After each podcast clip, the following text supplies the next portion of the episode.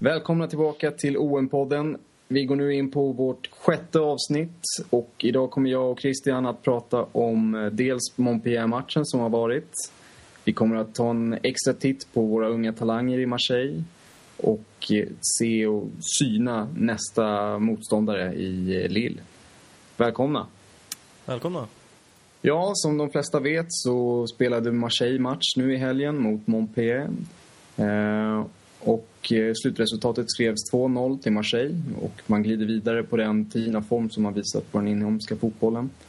Eh, vad har du, känner du spontant Christian om, om matchen? Eh, en väldigt stabil seger, det var det absolut. Eh, 2-0, visserligen inte Montpellier i sin bästa form, men eh, det är ändå Montpellier, det är ändå ett sydkustderby. Så det är klart att de var extra taggade, men det var en eh, extra skön vinst i och med att Marseille inte har gått så alldeles för bra på senaste tiden. Eh, skönt att Tauvin får fortsätta göra mål och skönt att eh, Khalifa får göra mål också. Mm, det var ju hans eh, debutmål här i Marseille tror jag. Mm. Skall sådan också. Han verkligen stannade upp eh, och petade den mellan benen var det på Montpellier-försvararen.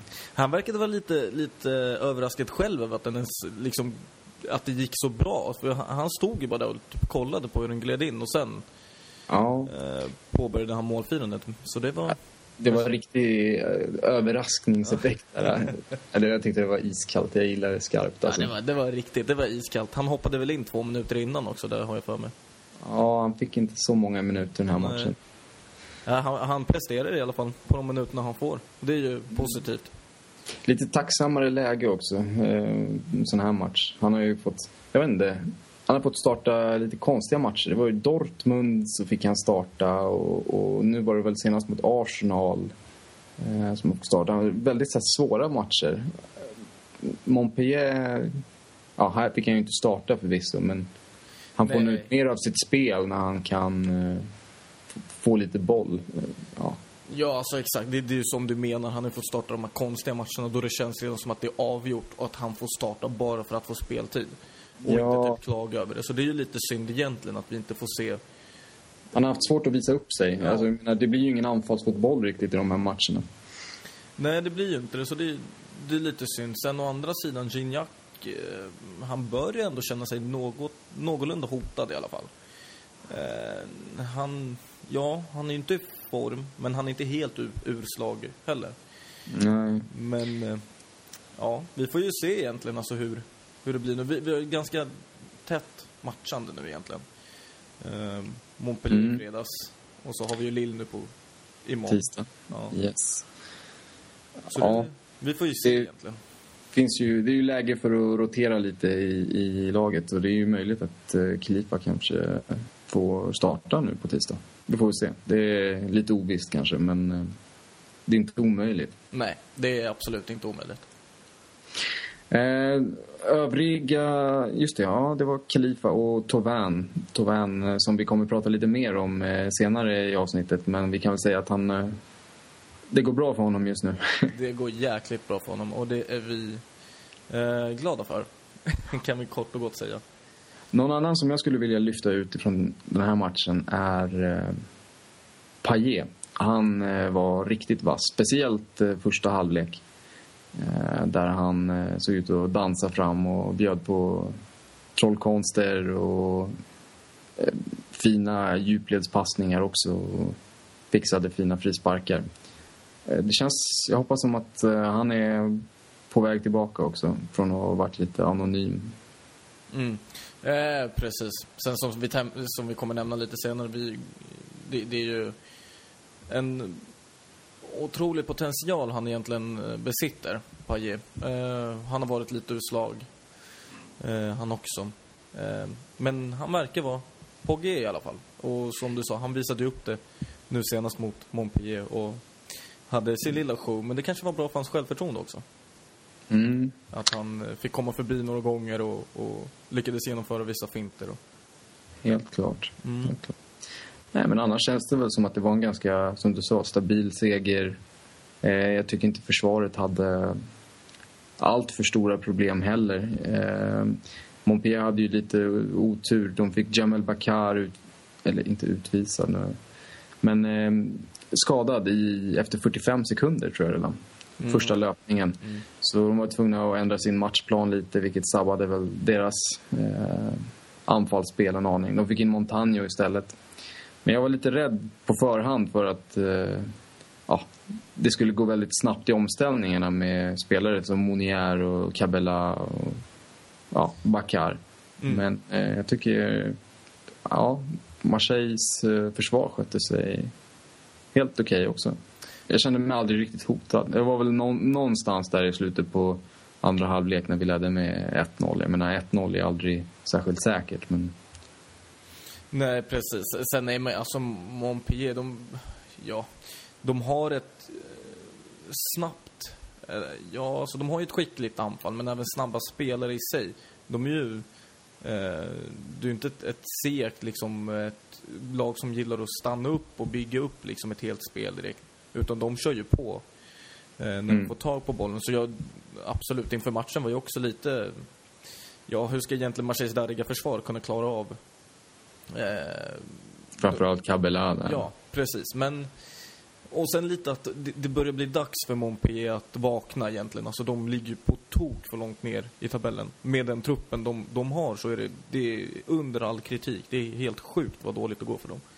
Ja. Eh, så man kände lite att fan, de kan verkligen ta poäng mot Marseille. Men sen, som du säger, eh, under matchens gång så såg man ju alltså det...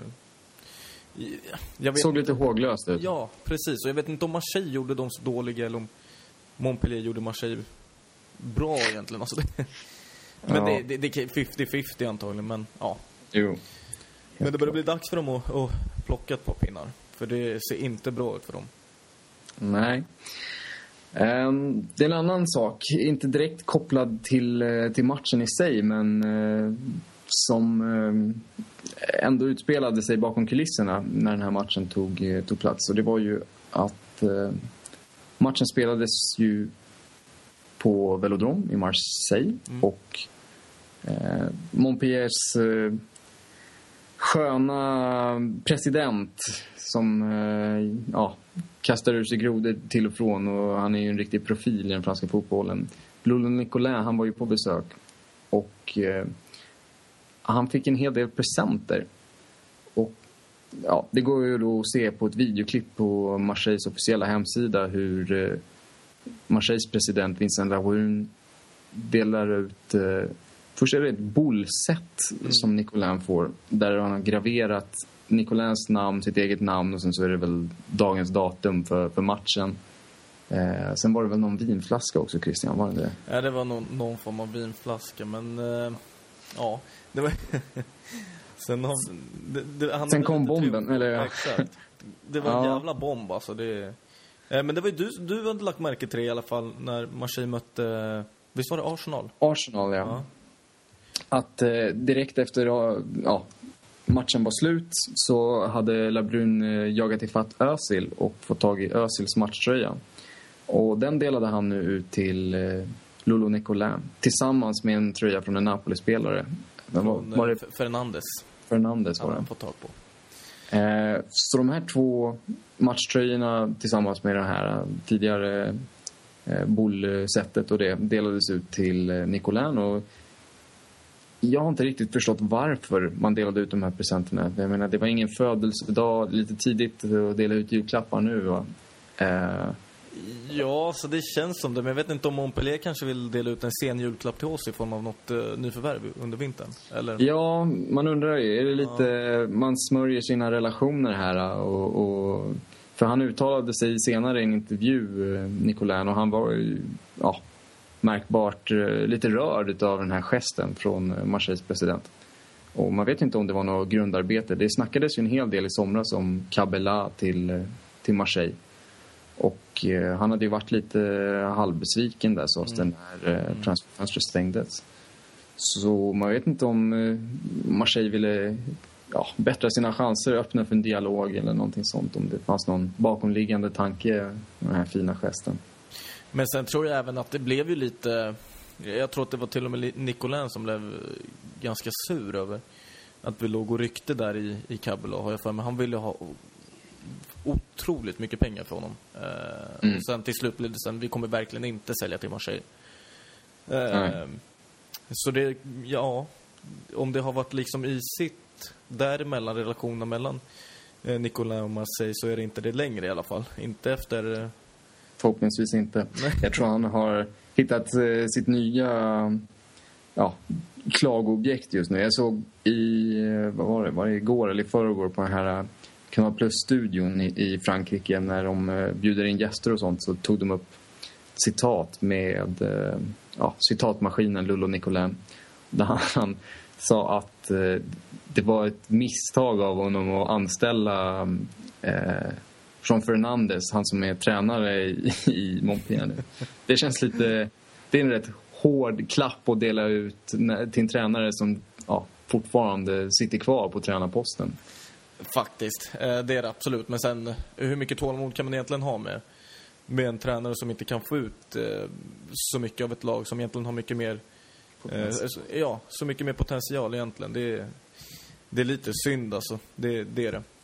Det är sant. Vi, vi gillar ju att sätta Lillebro på plats men det är ju ett ganska charmigt lag så de, de måste ju åtminstone rycka upp sig så att de, de hänger kvar. Ja, precis. Eh, det är synd om Montpellier åker ut. Eh, det är ju sydkustderby, som, som vi tidigare nämnde. Det är det ju. Eh, och de drar ju alltid relativt mycket folk till hemmamatchen, i alla fall när det går bra för dem. Eh, det gör i och för sig alla lag, men Montpellier har någon form av sydkustskärm. Eh, så fler sydkustlag till ligan är roligare. Det blir en trevligare och varmare liga. Helt klart.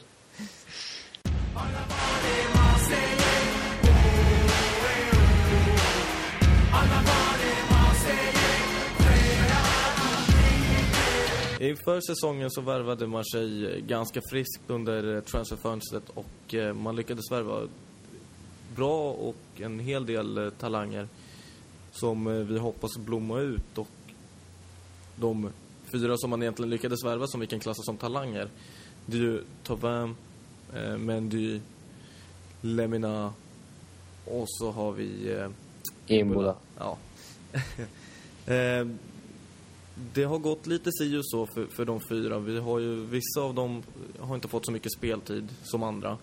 Eh, någon talang startade bättre än eh, de andra talangerna och så har vissa kommit igång nu på senare tid. Eh, och sen har även folk utanför Frankrike kanske fått lite mer eh, kunskap om egentligen hur bra talanger som Marseille värvade i och med att de fick ju spela här senast mot eh, Arsenal, en hel del av dem.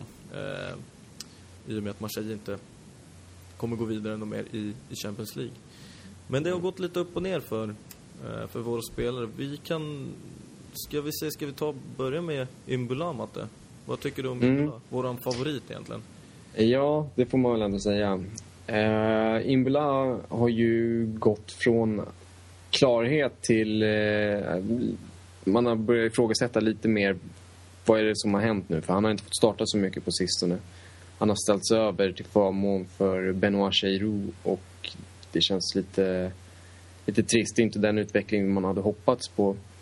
Nej. Ehm, jag vet inte riktigt vad det är. Han öppnade ju starkt och han uh, kommer ju med en ytterligare dimension till spelet som ingen annan spelare i dagens trupp besitter. Att de kan driva fram bollen och ställa om snabbt från försvar till, till anfall.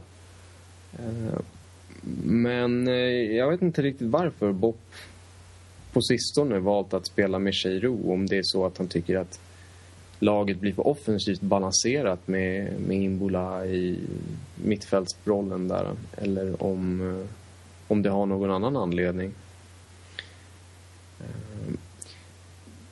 Det var intressant mot Arsenal för då fick han ju ikläda sig en annan roll. Han startade på, ja, i den utgångspunkt som Valbuena vanligtvis har. Lite som en offensiv central mittfältare.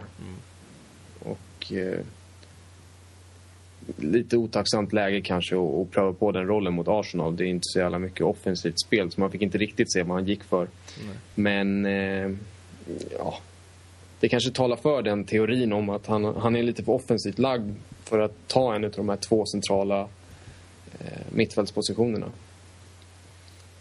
Men samtidigt, eh, Cheiro och Romao, de är... Visserligen har vi ju Cheiro som kan spela fram på ett... Han, han har ju ett bra spelsinne om vi säger så.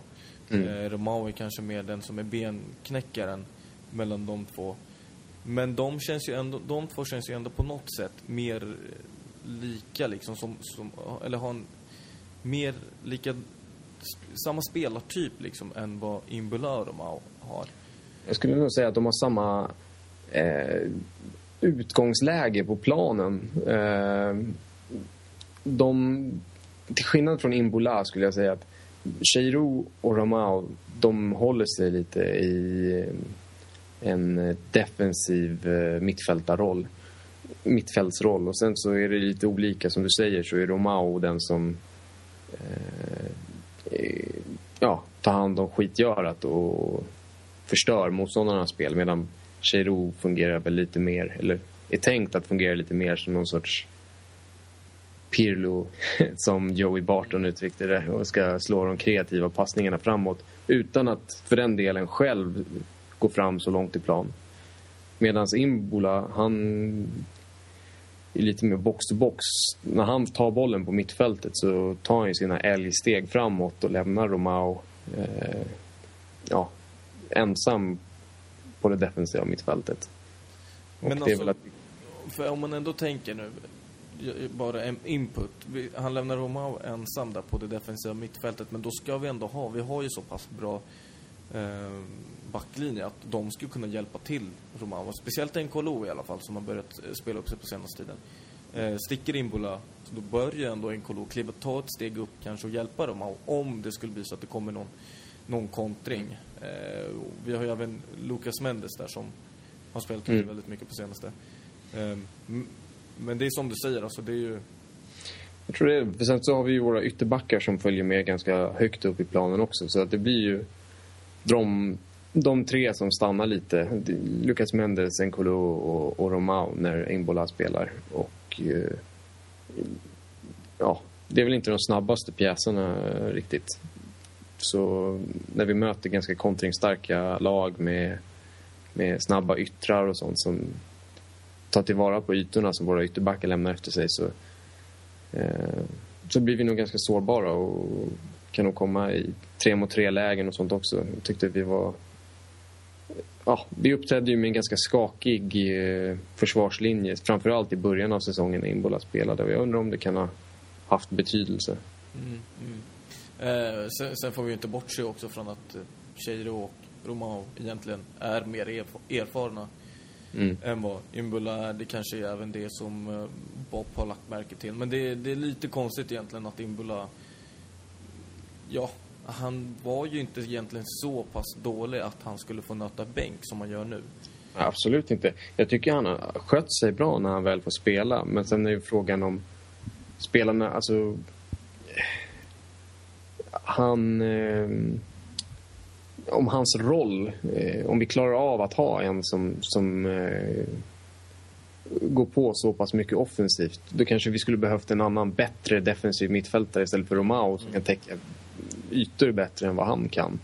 För att vi ska kunna köra med en så offensiv spelare bredvid. Jag tycker Imbola har skött sig bra och varit en av planens bättre spelare flera gånger när han har spelat tidigare. Men ja, hans spelartyp eh, gör oss lite svagare i defensiven. Ja, och sen offensivt så är ju Marseille starka och egentligen de, av de här fyra talangerna så var det ju bara en av dem som vi värvade som är eh, offensivt lagd, om vi ska säga så, till, till liksom om vi utgår, utgår från positionerna i sig och det är ju Provin. Ehm, som han, som egentligen har gjort det, han har ju haft en liten annan, eh, han har gått en liten annan väg. Han har ju börjat ganska Eh, ja, han, har inte, han fick inte heller så mycket speltid där i början utan han har ju fått komma in nu och så har han verkligen visat att han vill vara med i leken. Han vill ha en startplats. Och han har gjort det bra. Egentligen vet jag inte om det började redan mot... Ja, Jag vet inte hur långt bak vi kan gå egentligen, men eh, Sochaux kanske, eller det var ju tidigare så, det var ju Napoli borta tror jag att han fick sätta Mm. en balja. Yes. Ehm, och sen dess har han väl Han har ju... tagit chansen igen. Alltså, Och jag läste någonstans att det var åtta mål på de åtta senaste matcherna i alla... Eh, ja, om man räknar till alla matcher han har spelat och då var det ju inklusive några matcher med U21-landslaget. Eh, så han har verkligen hittat formen. Eh, I varje fall när det kommer till att, att göra poäng. Eh, senast mot Montpellier så var väl... Eh, ja, han, han kanske inte var den som stod ut i spelet men jag menar, han var där och satte baljan. Så, nej. Han är på uppgång helt klart och han har väl gynnats lite nästan utav um, Ayous uh, skada också. Som har öppnat upp för mer speltid absolut. Eh, sen kan vi ju säga att Payet, han är ju... Han har ju egentligen tappat i form. Eh, Medan Thauvin har fått upp sin form. Och sen är ju en annan fråga, vad, vad händer när Ayew kommer tillbaka? För han kommer ju definitivt få en startplats på en gång. Eh, Mm. Visserligen kanske få någon match på sig liksom att spela in sig igen, men sen kommer han ju få spela där i startelvan. Men eh, det är ju även, jag tror, han kommer väl tillbaka efter eh, januarifönstret? Gör han det? Ayew. Det var väl två månader han skulle vara borta tror jag. Uh, det kan nog stämma. Så Det kan nog... nå, någonstans här runt januarifönstret så man får ju se om Valbuena kanske sticker och de får ta hans offensiva mittfältarroll eller om... Ja, Ajo kanske sticker. Ja, I och med att liksom, Thauvin har ju gått så bra nu. Han visar ju att han kan ju spela på en, på en hög nivå. Och, I alla fall i ligan liksom. Och han presterar, som du sa, mot Montpellier. Visserligen var han inte så jättedelaktig i det målet. Han, han gjorde ju mål, men han stod ju där och liksom väntade på bollen. Men sen behöver vi någon också som gör de här skitmålen. mm. Som kan sätta de bollarna. För Gignac gör visserligen mål, men han gör ju alltid de här eh, långskotten eller nick in dem eller liknande. Medan vi behöver någon som bara petar in de här tåfjuttarna. Mm. Så det är bra att vi har Thauvin i sådana fall. Men han är en av fyra talanger som har visat, eh, Framfötterna. ja absolut, ett bra stim i alla fall på senaste tiden nu. När det har Mm. ganska tufft för, för laget i sig. Det är intressant som du säger med tanke på januarifönstret nu, vad som händer. Jag tror inte Marseille på förhand har några planer på att varken köpa eller, eller sälja någon spelare. Eventuellt kanske om man skulle låna ut, försöka låna ut eh, Jordan Ayew kanske. Mm. Eh, Det var ju tal om det redan eh, ja, under sommarfönstret. Mm. Men eh, om man ser till de tongivande spelarna så känns det som att i och med den här skadan på Dede Ayew så är han inte lika attraktiv att köpa i januari. Nej. Och han kanske såg som den som var närmast en utlandsflytt annars. Mm. Eh, så nu är det ju i sådana fall... Jag tror inte, vi säljer ju ingen som har kommit in precis under sommarfönstret. Så Thauvin, Payet, Khalifa och så, det, de lär ju vara kvar. Mm. Eh, det skulle ju vara Valbuena i sådana fall.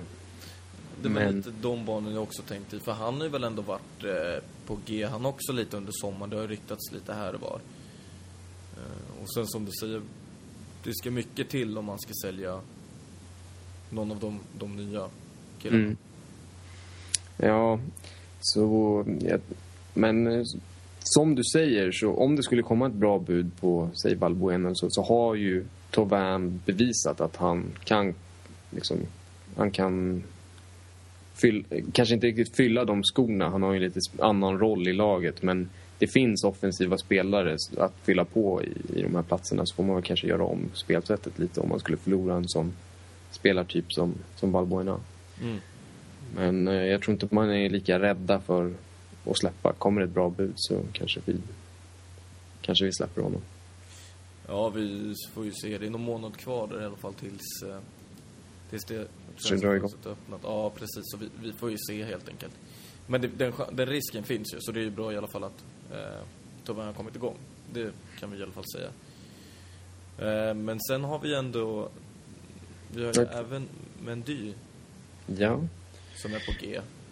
men du... Ehm, senast mot Montpellier såg han ju riktigt bra ut faktiskt. Ehm, och ehm, ja, det känns ju lite som att man håller på att fasar ut Morell. Det sker ju inte över en natt, men det känns ju som en ganska naturlig... Naturligt sätt som han lämnar över stafettpinnen nu nere på vänsterkanten. Och eh, nej.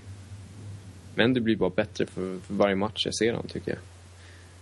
Enda matchen där jag har haft lite... Där han känns lite... Vad ska man säga? Som om att tröjan var för stor för honom. Det var mot, eh, mot Monaco. Men eh, annars så tycker jag han har växt med uppgiften. Ja, absolut. Det, det är ju bra också att... Jag vet att både du och jag var lite kritiska innan till att eh, Bopp inte startade med eh, Mendy, men eh, jag tycker att Bopp har gjort det bra. Som inte egentligen har startat med Mendy varenda match, utan det är som du säger, han fasar ju in honom. Eh, jag tror faktiskt att Morell fick starta senast mot Arsenal och jag tror att det är ett ganska... Jag, jag tror att... Eller var det Mendy? Nej, det var Morell som fick starta. Morell startade mot Arsenal, Ja. men de startade mot Montpellier. Mot Montpellier. Precis, men jag tycker att som till exempel matchen mot Arsenal, det var nog ett ganska smart val att låta Morell starta det. För han är ju, han har ju som du säger, han, han hade ju lite problem mot Monaco.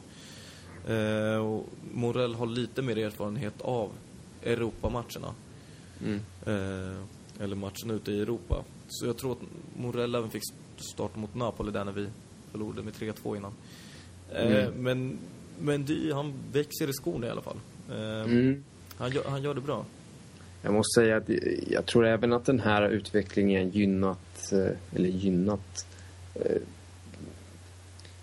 den har lyft Morell lite också. Jag vet inte vilken match det var jag såg, om det var Sochaux eller om det var Rennes. ehm, när Morell spelade och faktiskt gjorde en... eh, nej, förlåt, det var ännu längre tillbaka. Det var Napoli, det var andra matchen Napoli. Mm. Eh, då jag tyckte Morell var en av planens bättre spelare. Alltså, och det hände inte att jag säger särskilt ofta. Men han och Ayo hade ju faktiskt, eh, eh, inte lekstuga, men de kombinerar sig jävligt bra på sin kant. Och jag tror att Morell eh, presterar bättre när han får lite eh, konkurrens på sin position. Jag menar, Innan så har han ju varit så himla ohotad med tanke på att vi inte har haft någon annan riktig vänsterback att sätta in där. Nu blir det ju ändå lite att han måste lyfta sig för annars kommer han tappa sin plats till Mendy. Och känns som att han, eh, han har spelat bättre. Mm, mm. Sen eh, har han väl förmodligen i baktanken, han förstår att vi har ju värvat en ung vänsterback för att egentligen han ska spela på hans plats. Så han bör väl liksom ha i baktanken att han kommer ju få sitta på bänken förr eller senare och bli en backup. Mm. Eh, för att Mendy har ju liksom mer, ja han verkar vara mer eh, villig liksom för, för, för att lära sig nytt. Han verkar vara, ha mer, en, en bättre utvecklingskurva än Mm. vad Morell har. Morell är väldigt, väldigt ojämn. Ehm, men du har gjort någon dålig match och det var ju mot Monaco så. Ehm, Han har mer råtalang också. Jag menar, han, ja. Absolut. Men sen har vi även... Visst har vi, Lemina. Lemina. Visst har vi inte nämnt honom ännu? Nej, vi har inte nämnt honom ännu. Eh, Lemina är ju den av eh, spelarna som har fått minst speltid. Mm. Eh, och som kanske är svårast att uttala sig om. Det har väl främst varit några fåtal inhopp i slutminuterna. Förutom nu mot Arsenal, då han fick starta. Mm. Osäker på om han fick spela starta någon match innan där också. Hur som haver, så mot Arsenal så tyckte jag att han, eh, han stod upp bra. Eh, han spelar ju då på det centrala mittfältet tillsammans med Romao som han ersatte i Lorient eh, när Romao lämnade för Mar- Marseille.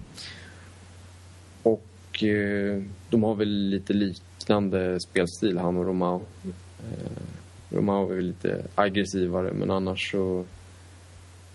Båda, båda försöker vinna boll och det behövdes väl mot Arsenal. Ehm, men nej, jag tycker han var... Han kan inte beskyllas för något större misstag än någon annan i den matchen, tycker jag.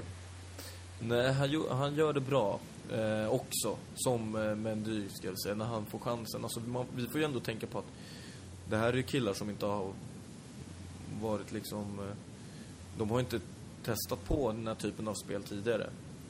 Eh, som du sa, Lemina, kommer från Lorient. Eh, och sen kan man ju säga så här, när, sen när var Lorient liksom ute i Europaspel?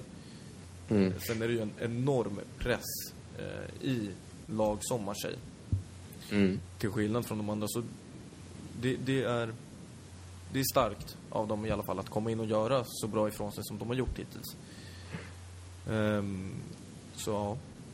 Men ehm, Och eh, troligtvis så kommer han ju få chansen nu i nästa, nästa veckas match för Romao är ju avstängd. just. Eh, Så det är ju frågan hur Bopp väljer att- att att matcha där. Kommer han spela Cheiro och Imbola?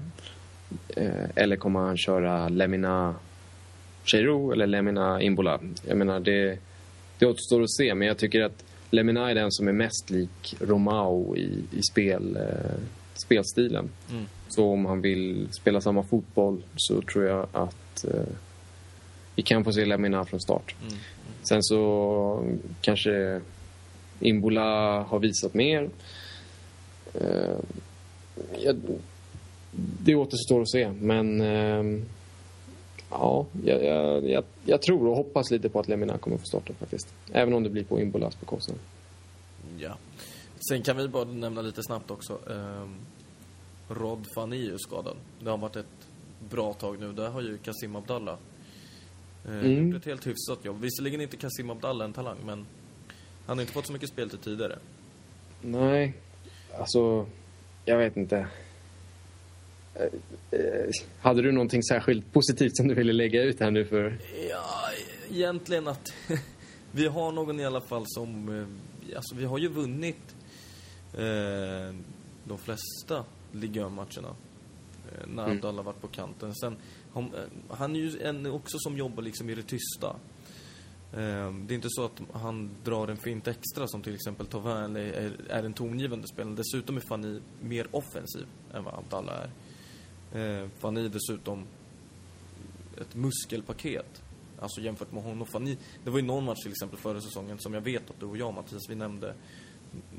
Du, jag tror till och med det var din, din liksom favoritmatch det året när Fanny vräkte sig fram i 94 och nickade in 1-0 för Marseille. Det, det är inte en sån sak som Abdallah kan göra men det är lite där som man kan jämföra med Morell från förra säsongen när Morell inte hade någon konkurrens. Eh, så det är bra om Abdallah liksom i alla fall visar att han finns med i spelet. Så att det blir en lite mer tri trigger typ till Fanny, eller för Fanny som kan prestera bättre när han kommer tillbaka. Jo, jag vet inte. Jag tycker... Eh, han är en skön eh, figur, Abdallah. Och Han är ju Marseille-supporter sen tidigare tydligen. Och eh, led med han när han precis hade skrivit på för Marseille förra säsongen och han typ skadade sig gång på gång i början. Eh, däremot så tycker jag inte han håller... Alltså, ligett... Jag vet inte, kanske i något strykgäng i Ligue 1 kanske. Han, han kanske skulle gå in på högerkanten i Evian eller någonting. Lyon. Eller Evian, är inte de som har vass där kanske? Nej. Nej. Ja, jag vet inte. Men jag tycker inte han...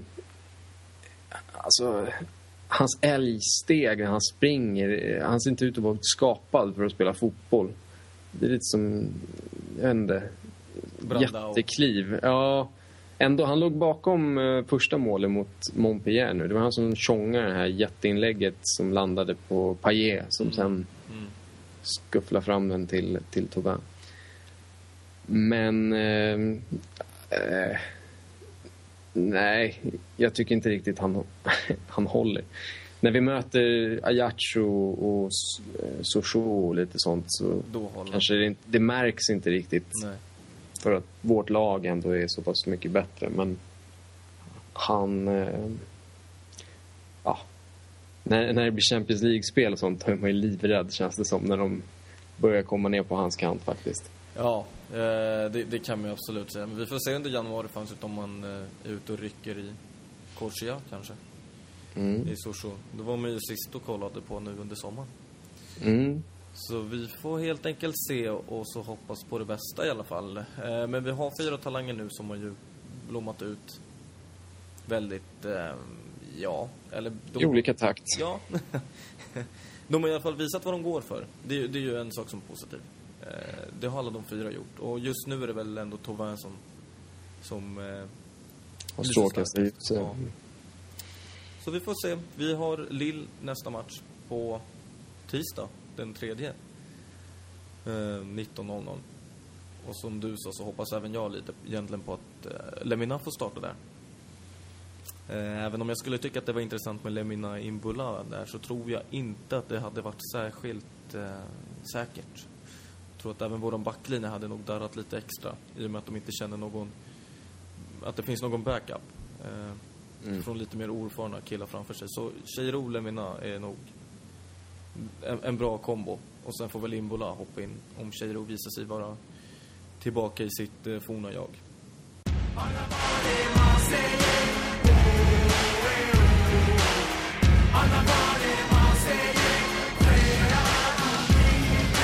På tisdag möter Marseille eh, de, eh, ja vad ska vi säga, de oslagbara, de är inte oslagbara men de är väldigt svåra att slå. Eh, Lill, Losk Lill.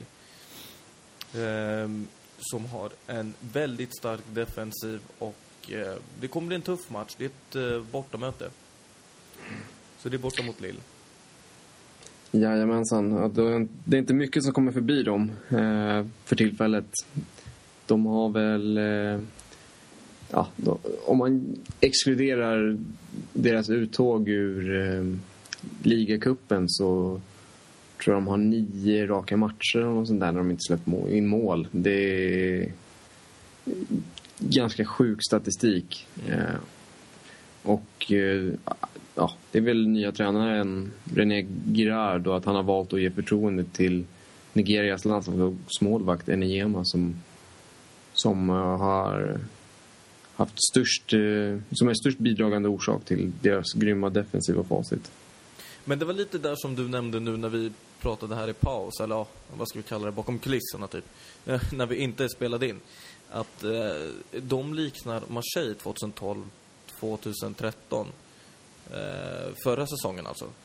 Ja, När vi hade en, en stark defensiv, vi hade starka och eh, även kreativa eh, defensiva spelare. Och vi nämnde lite här först och främst om, eh, om Bassa. Som har verkligen blivit eh, lovordad och, och, och fått väldigt mycket beröm nu på senaste tiden. Mm. Jag läste ju någon krönika här om att han var Europas mest underskattade defensiva spelare. Och, eh, att han hade något statistik där han hade bara förlorat eh, två uh, nickdueller under säsongen. Jag vet inte riktigt om det, den statistiken är helt överensstämmer helt med, med hur det ser ut. Men han eh, har varit riktigt bra. Jag tyckte han var bra förra året också. Men eh, han eh, fått ett lyft här och samarbetet passar bra in med Kjär som kom i somras. Precis, och, och den här värvningen av Kjär, den är ju väldigt, väldigt eh, stark i alla fall för Lill. Han gick ju från Palermo sen till Wolfsburg där han inte, eh, ja, han... Eh, Nådde riktigt. nej, precis, men nu verkar han i alla fall ha fått, han får ju förtroende av eh, Girard och eh, Ja, alltså det, det, jag läste även samma krönika där som dig Mattias. De, de, skriver där att Basa även får Chiaro liksom växa ut och blomma ut och eh, att han tar ett stort, eller alltså att Basa tar ett stort defensivt ansvar. Men eh, du var ju även inne lite på, på Mavuba egentligen. Mm. Ja, det, det är svårt. Han får ju ändå ses som en, en, en defensiv pjäs, Mavuba. Sättet som han vinner boll och täcker ytor på. Och jag menar, han är ju så pass bra att han har fått... Ja, han har blivit uttagen till landslaget på sistone och är nog inte allt för långt att få, få speltid heller. Eh, och alltså den triangeln, främst då med Mavuba och eh, de två centrala mittbackarna, det är ja, det är svårt att ta sig igenom där och om du ändå lyckas så måste du trockla dig förbi en EM också för att göra mål. Och det har visat sig vara väldigt svårt för de flesta lagen i, i ligan. Mm. Alltså det, det är så sjukt att sist Lille släppte in mål var den 15 september eh, mot Nice. Och då torskade de med 2-0 hemma. Eh, sen dess har inte Lille släppt in ett enda mål. Som, som Mattias sa, om vi liksom räknar bort Coupe de la Ligue, men då stod ju inte ens NJ Nej, det var ju ett helt B-lag som Ja. körde. Så. Så ja, eh, det, är en väldigt tuff uppgift för Marseille. Men Marseille å andra sidan har väl visat en stark form på senaste tiden, att vi kan göra mål.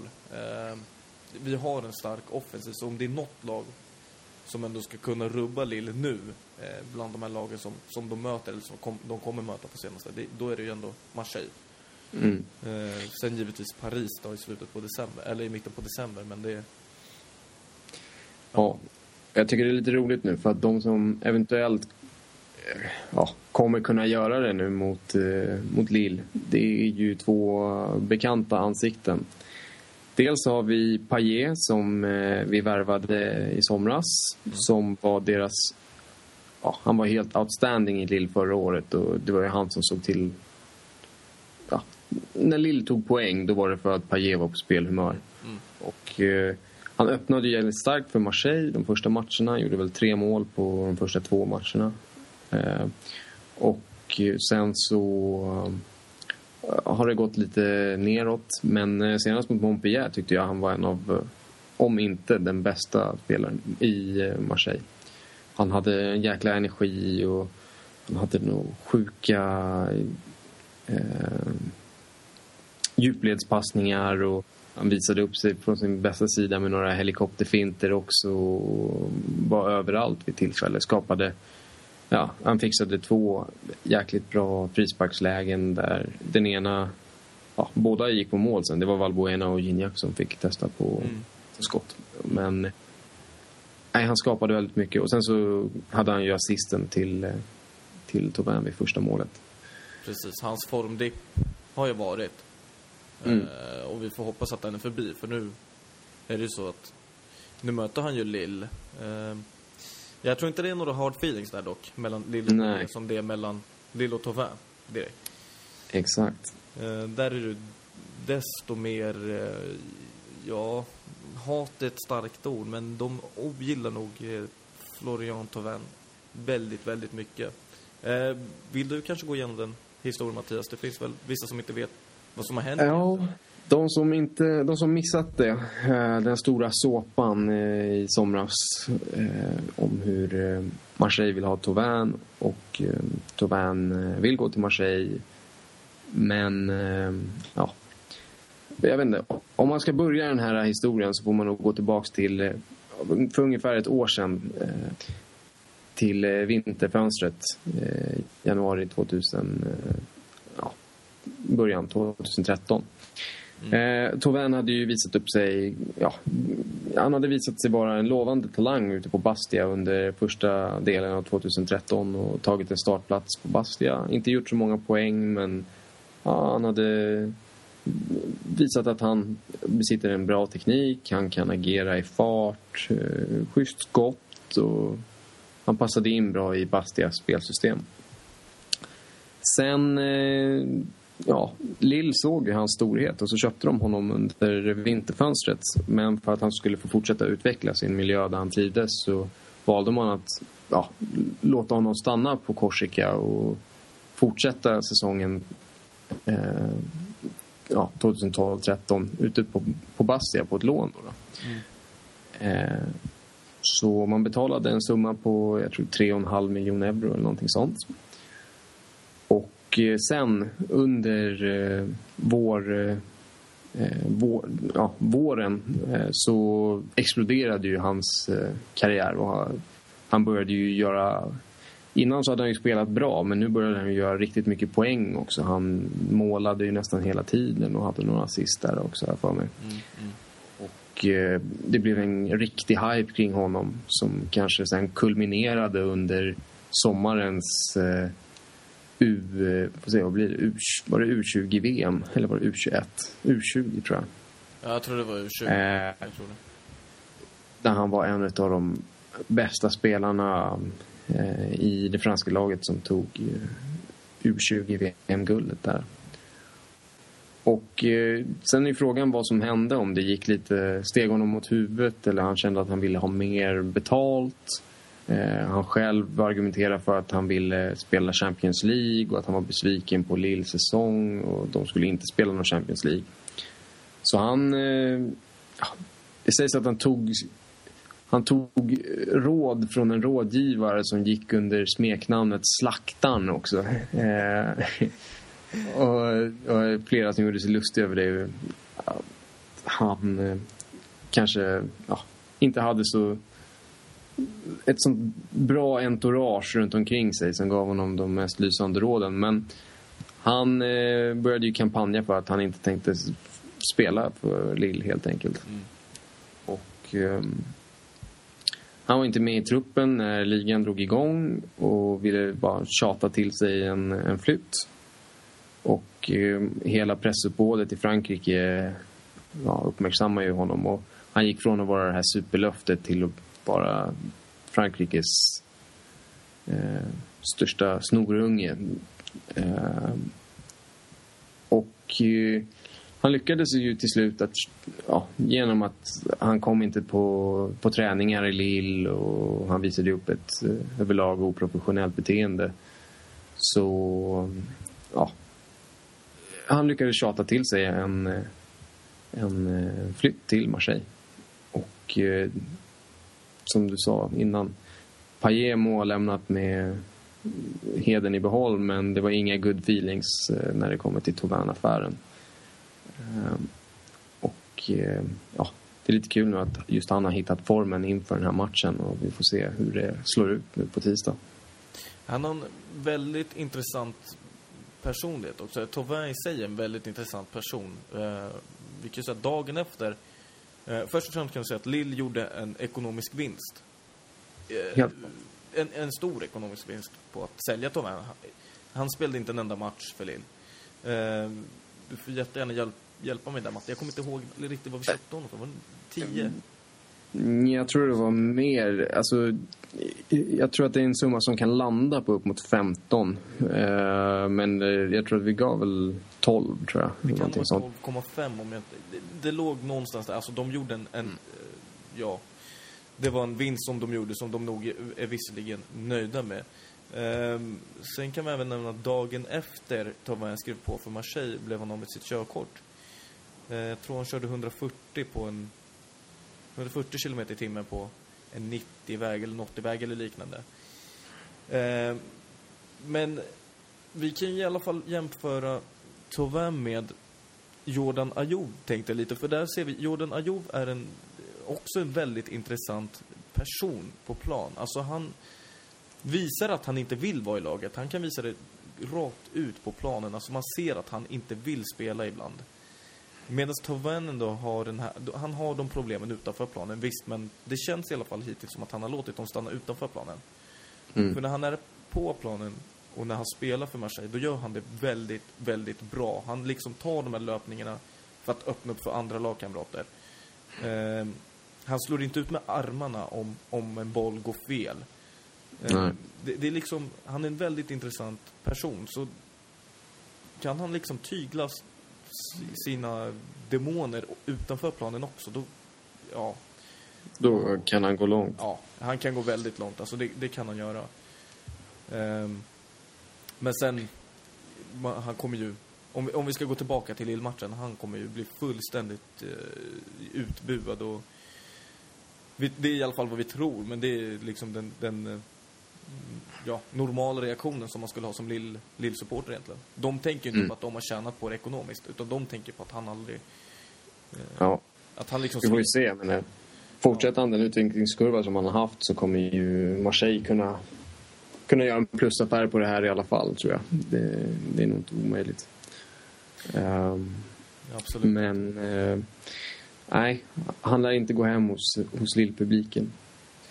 Nej, men sen är det de två spelarna egentligen som är formstarkast just nu. Det är väl ändå Payet och Tauvin eh, i Marseille. Sen har vi ju visserligen en Kolo som gjorde en väldigt bra match senast, som du nämnde där tidigare Mattias. Och eh, ja, Gignac är väl lite, Han har ja, gjort mål och skött sig eh, okej, får man Ja. säga.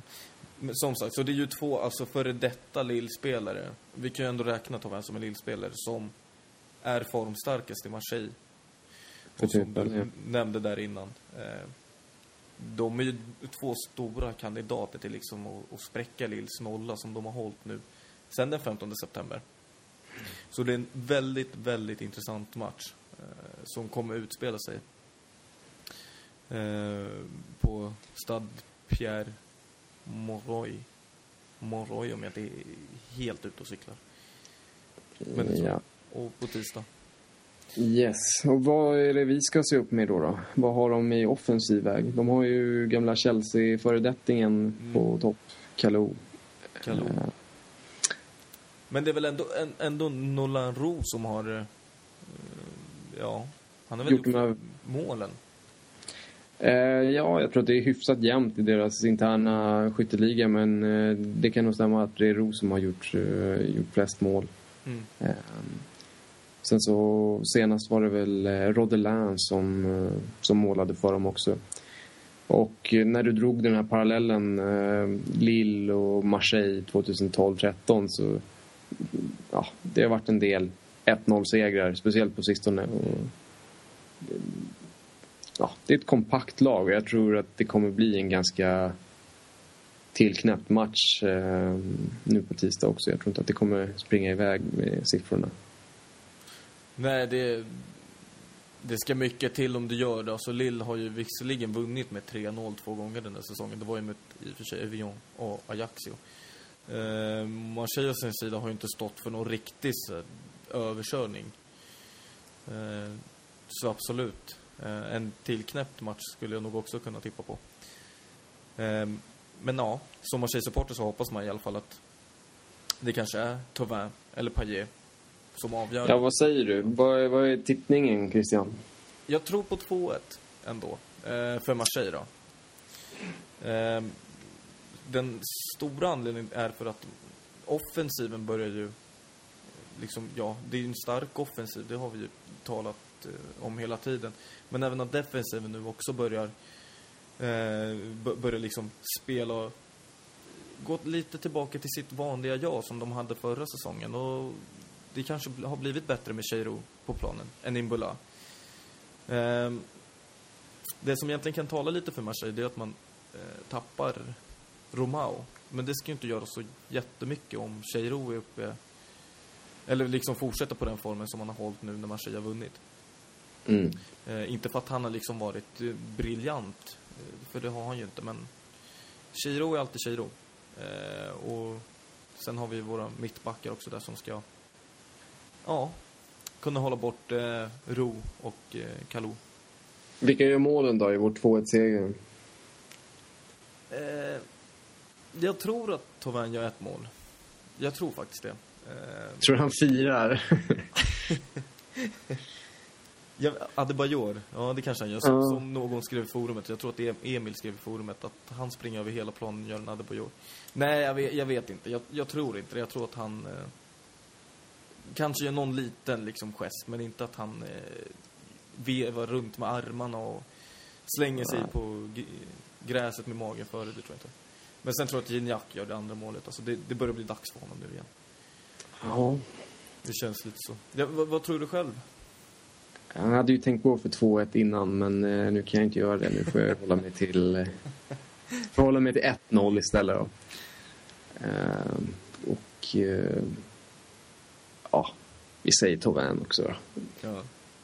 Bara för att liksom han... Bara för att, Ja. nej men eh, vad ska man säga, han har varit målfarligast på sistone. Ja, Och, det, eh, det, han är inne i det. stimmet. Ja, på tal om eh, former och, och så. Eh, en spelare som inte riktigt var sig själv senast mot Montpellier, det var ju Valbuena som annars brukar vara eh, esset på plan. Eh, han var ganska osynlig faktiskt, tycker jag, mot, eh, mot Montpellier. Så jag hoppas att eh, Hoppas att han bara hade en dålig dag på jobbet sist och att eh, han är tillbaks i vanlig standard nu mot, eh, mot Lille, för det kommer behövas. Det kommer absolut behövas. Eh, Montpellier hade ju... De hade ju sina chanser, men Montpellier Ja, förlåt mig Montpellier-fans, men Lille är nog ett starkare lag denna säsong. Och ska Marseille, ska Marseille kunna komma igenom den, den muren som Lille ställer upp med, då måste Valbuena eh, ha en bra dag. Det måste han ha. Eh, han, han, liksom, han är så pass viktig för det anfallet som Marseille eh, har, eller alla liksom anfall. Han bidrar med så pass mycket att om man ska komma förbi och, och sätta två baljer, som i alla fall jag hoppas på, då måste han ha en bra dag. Så absolut, jag är inne på ditt spår också. Han var inte... Ja. Det, det, det, det kritiser, han kritiserades lite efter, efter Montpellier-matchen. Det var länge sedan Valbuena faktiskt fick eh, lite ris. Men han fick det efter Montpellier. Ja, eh, och med de eh, förhoppningarna inför nästa match så kanske vi är dags att, dags att avrunda för idag. Ja. Eller har du någonting du vill eh, lägga till ytterligare, Christian? Eh, ja, inte direkt. Eh, ja, det är ju väl match om någon timme här. Två timmar. Eh, Mm. Lyon, eller Paris-Lyon. Eh, det är som svära i kyrkan kanske, men man håller nog eh, lite extra på Lyon ikväll. Ja, absolut. Mm. Men Vi annars... smörar lite för våra Lyon-lyssnare här. Ja, kanske inte ens har några Lyon-lyssnare, de vill inte lyssna på oss. Eh, men annars är det väl bara att säga eh, Allé l'OM. Och tack för idag. Ja, tack så mycket. Je